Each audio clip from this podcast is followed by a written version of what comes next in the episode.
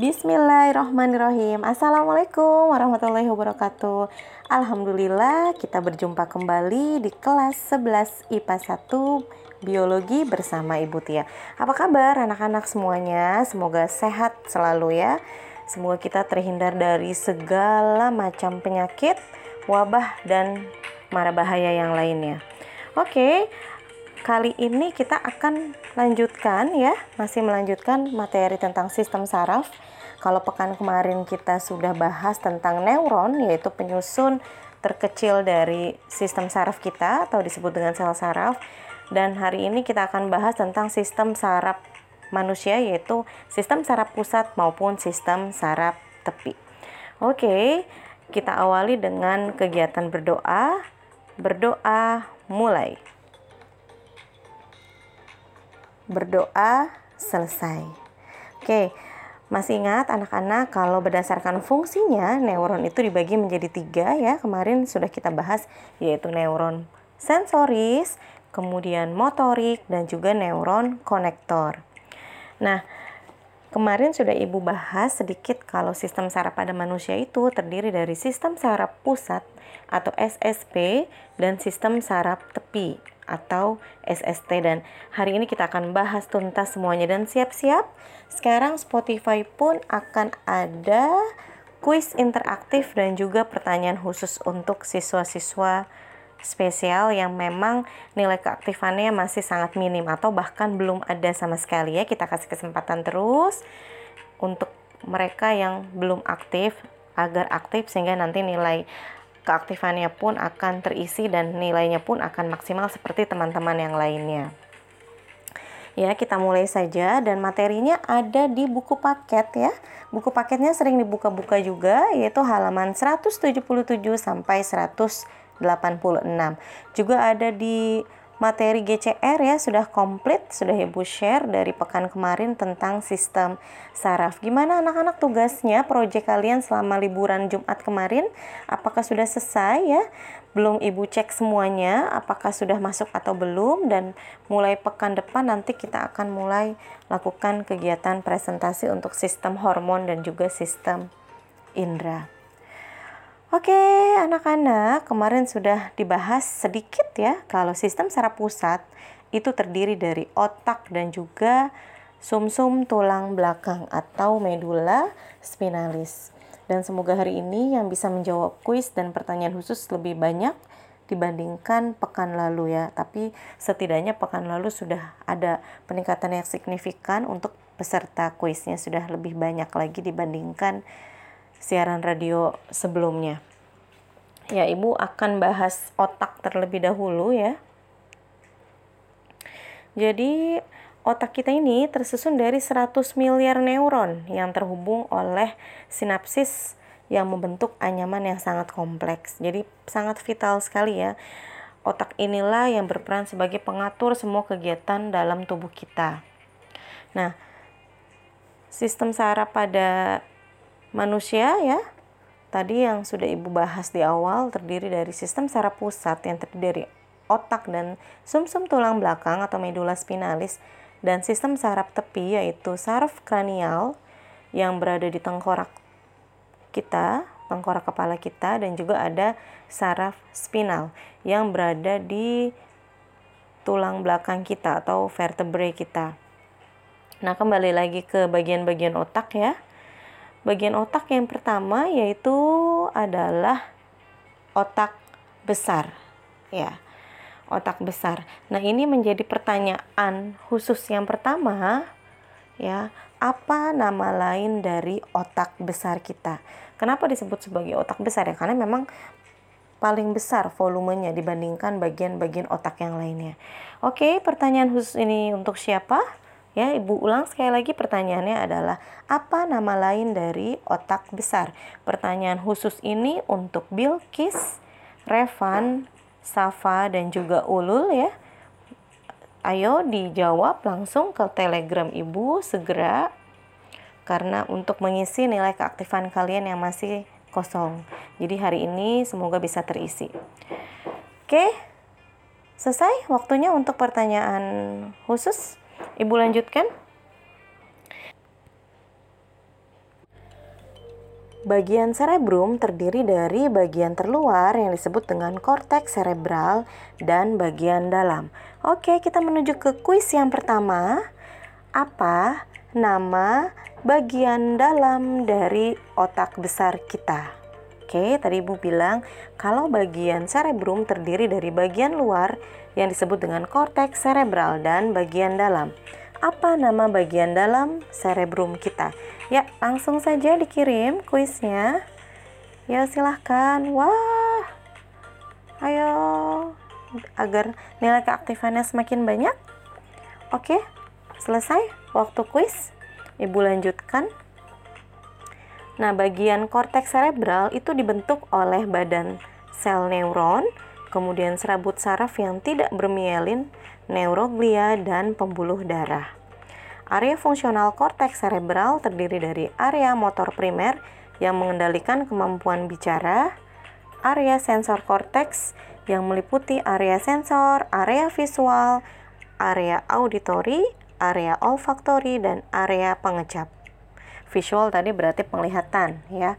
Kalau auditori adalah pendengaran, olfaktori adalah penciuman.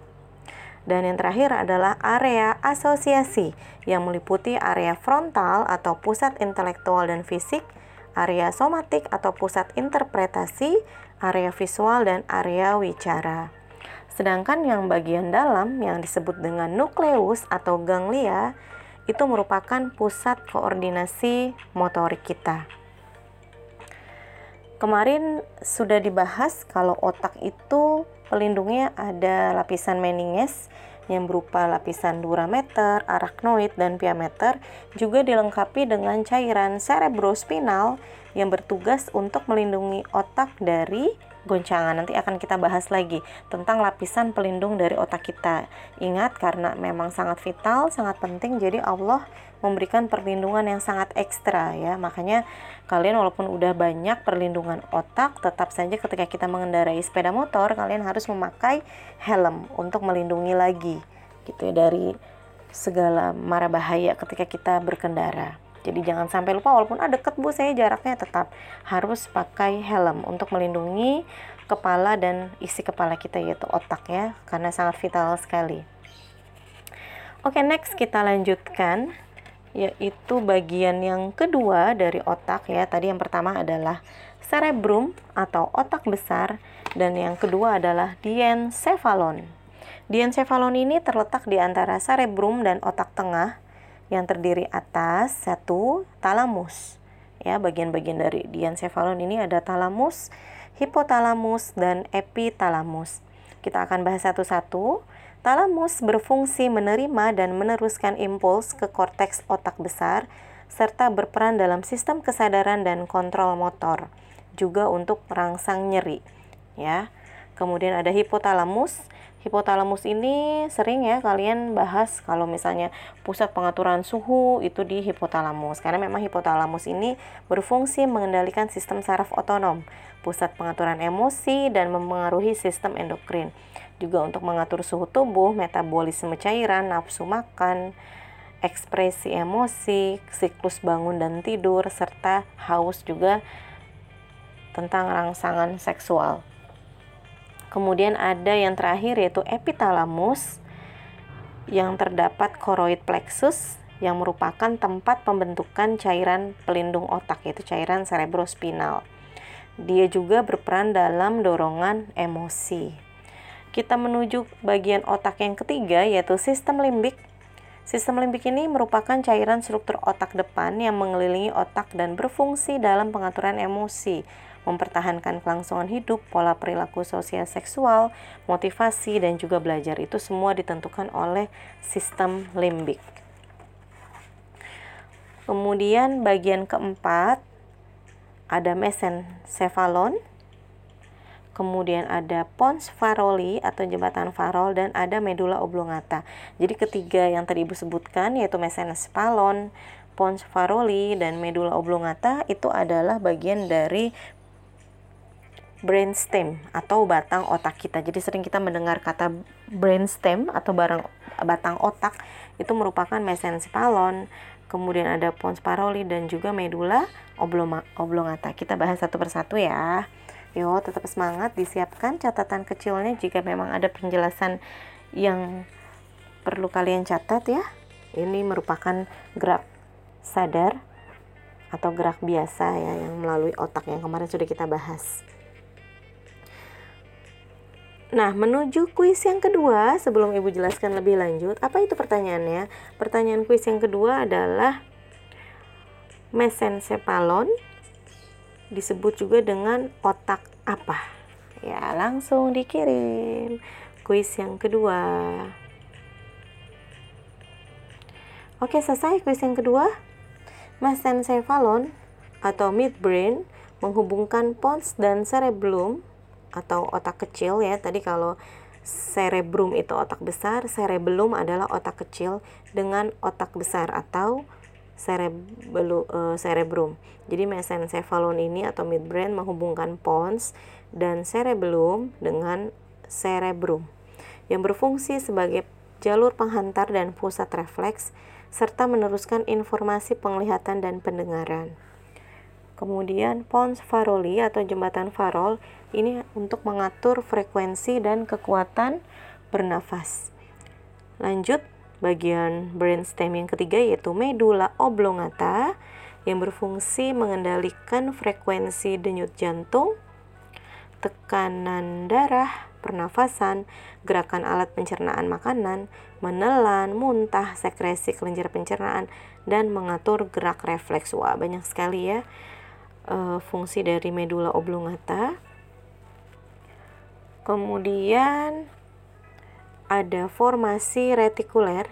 Formasi retikuler ini adalah batang otak atau brainstem yang mengandung suatu jaringan yang terdiri dari neuron-neuron kecil yang bercabang-cabang yang berfungsi untuk memicu dan mempertahankan kewaspadaan serta kesadaran. Dan bagian Selanjutnya adalah cerebellum atau otak kecil. Kenapa namanya otak kecil? Karena memang volumenya lebih kecil dibandingkan otak besar atau cerebrum. Fungsi dari otak kecil ini mempertahankan keseimbangan, kontrol gerakan mata, meningkatkan kontraksi otot, serta koordinasi gerak sadar yang berkaitan dengan keterampilan berhubungan dengan midbrain ya.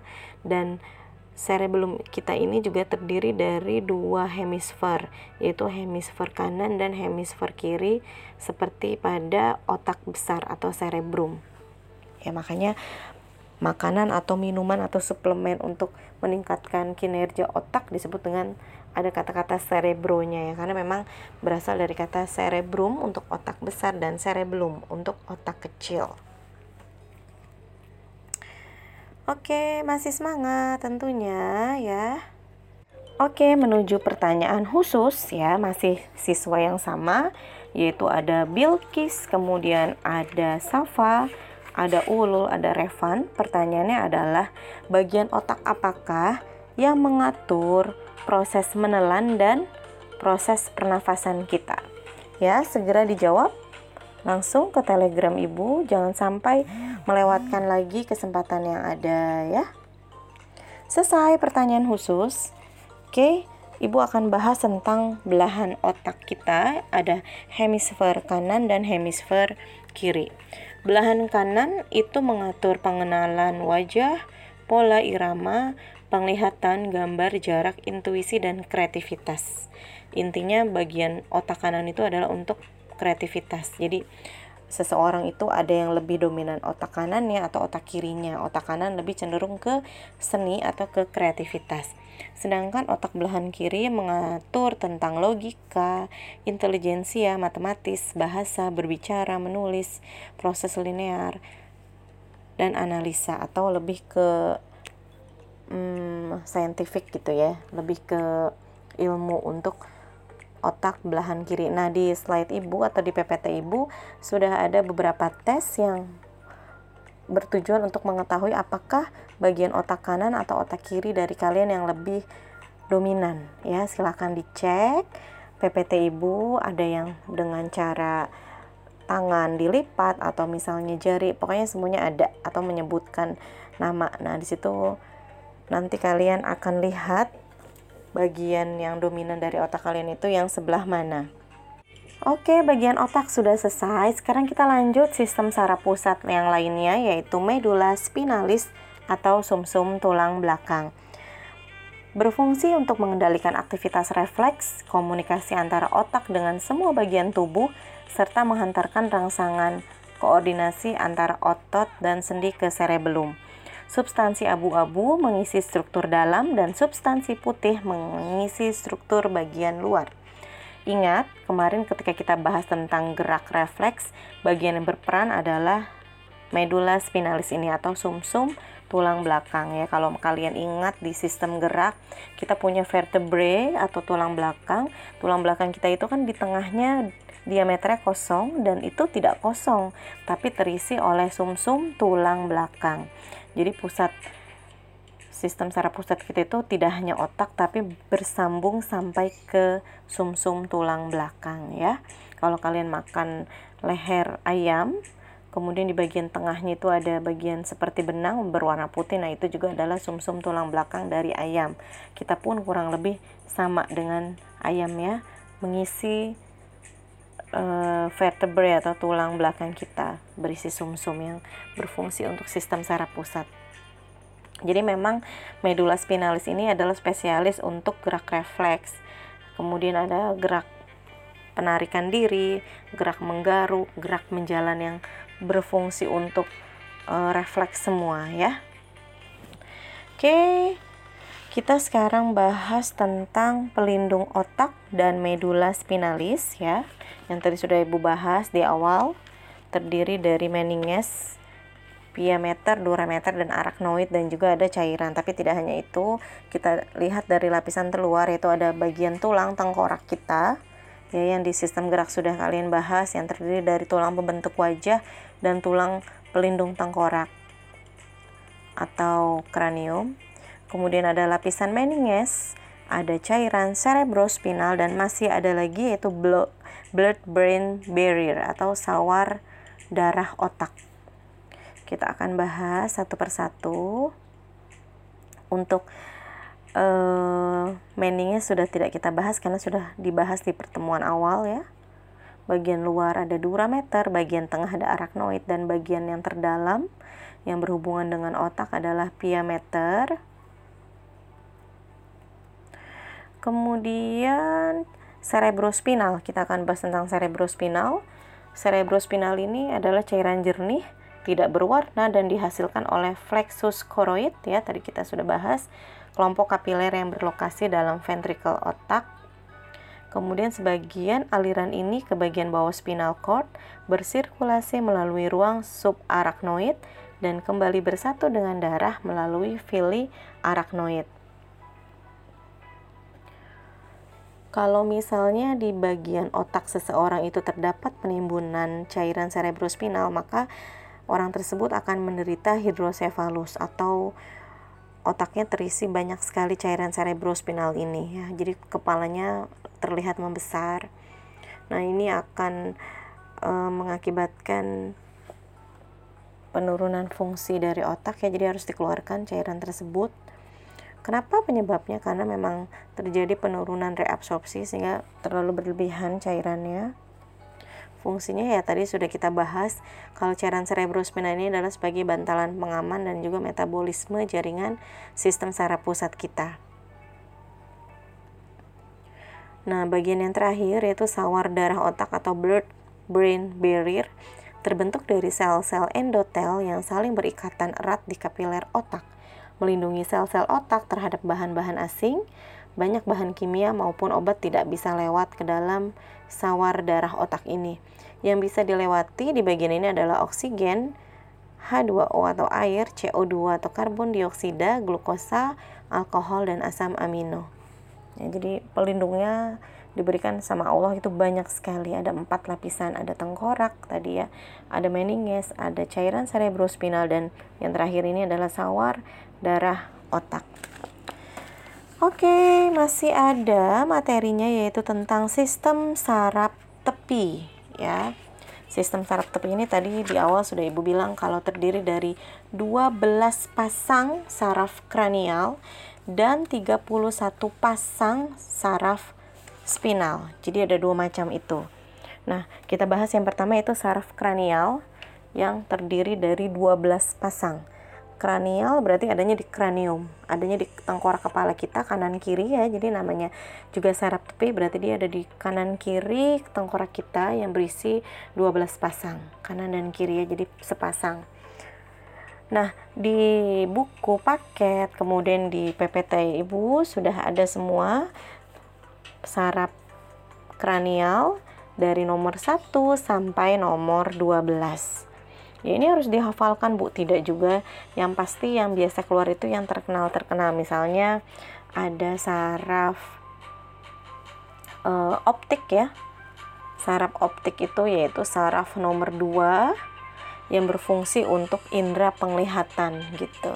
Jadi memang saraf tepi ini ujung-ujungnya nanti akan bekerja sama dengan otak dan juga sumsum -sum tulang belakang. Jadi dia uh, penunjang fungsi dari sistem saraf pusat Oke, menuju kuis yang ketiga, siap-siap lagi ya.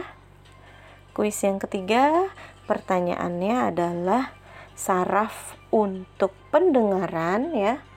Saraf untuk pendengaran itu adalah saraf nomor berapa?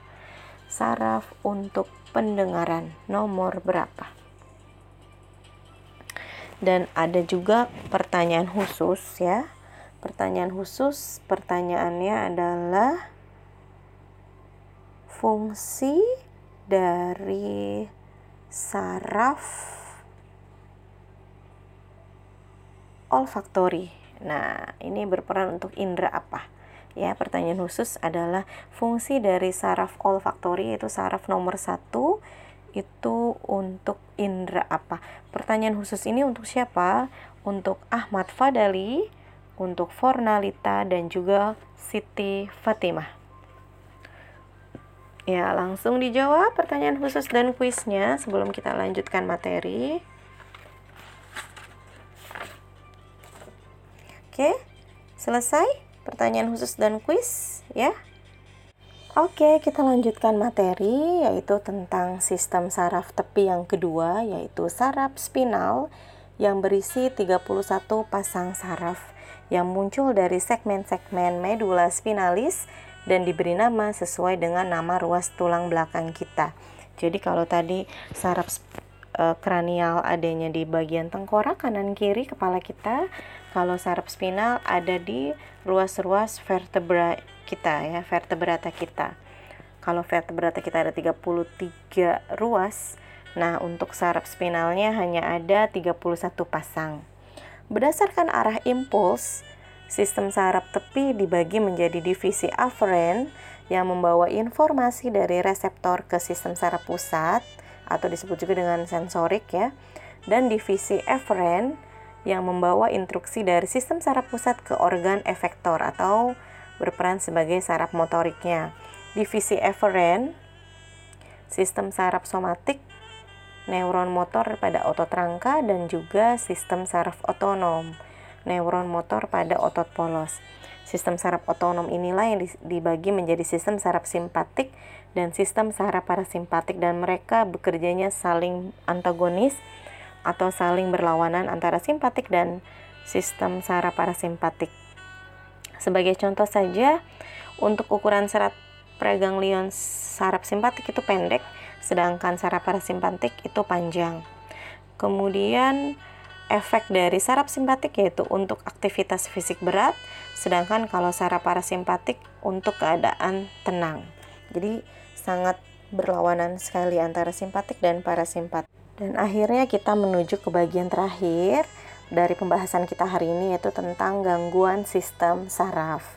Banyak sekali ya gangguan-gangguan pada sistem saraf yang pertama adalah meningitis. Ingat kalau akhiran tis tis tis tis itu berarti adanya peradangan. Karena meningitis berarti peradangan pada lapisan meninges ya. Radang selaput otak karena infeksi bakteri atau virus. Ini sangat mematikan ya jadi harus uh, waspada terhadap meningitis ini biasanya kalau kita mau umroh atau mau ke luar negeri kita suntik meningitis dulu vaksin meningitis supaya aman. Karena di beberapa negara itu banyak sekali orang yang terkena. Jadi untuk melindungi kita diberikan vaksin meningitis dulu ya. Mungkin yang udah pernah umroh pernah mengalami mendapatkan vaksin ini. Kemudian ada ensefalitis peradangan pada jaringan otak biasanya disebabkan juga karena virus. Neuritis gangguan saraf tepi akibat peradangan keracunan atau tekanan. Kemudian ini yang sering kita alami ya sering kesemutan atau kebas atau baal itu merupakan gangguan sistem saraf juga akibat gangguan metabolisme, tertutupnya aliran darah atau kurang lancar peredaran darah kita atau bisa juga kekurangan vitamin neurotropik seperti B1, B6 dan B12. Epilepsi atau ayan ya pernah lihat orang tiba-tiba kejang gitu ya, kemudian mengeluarkan e, busa dari mulutnya gitu ya, itu adalah epilepsi atau ayan penyakit serangan mendadak karena trauma kepala, tumor otak, kerusakan otak saat kelahiran, stroke, dan alkohol. Nah, ini bisa disembuhkan dengan terapi. Memang prosesnya agak lama. Biasanya kalau memang bawaan lahir, diterapi dari bayi itu bisa sembuh gitu. Tapi kalau memang tidak diatasi, ya akan berkelanjutan sampai dewasa. Kemudian ada Alzheimer, sindrom kematian sel otak secara bersamaan. Ini biasanya usia lanjut ya, usia lanjut mengalami Alzheimer. Kemudian ada gegar otak, bergeraknya jaringan otak dalam tengkorak yang menyebabkan perubahan fungsi mental atau kesadaran.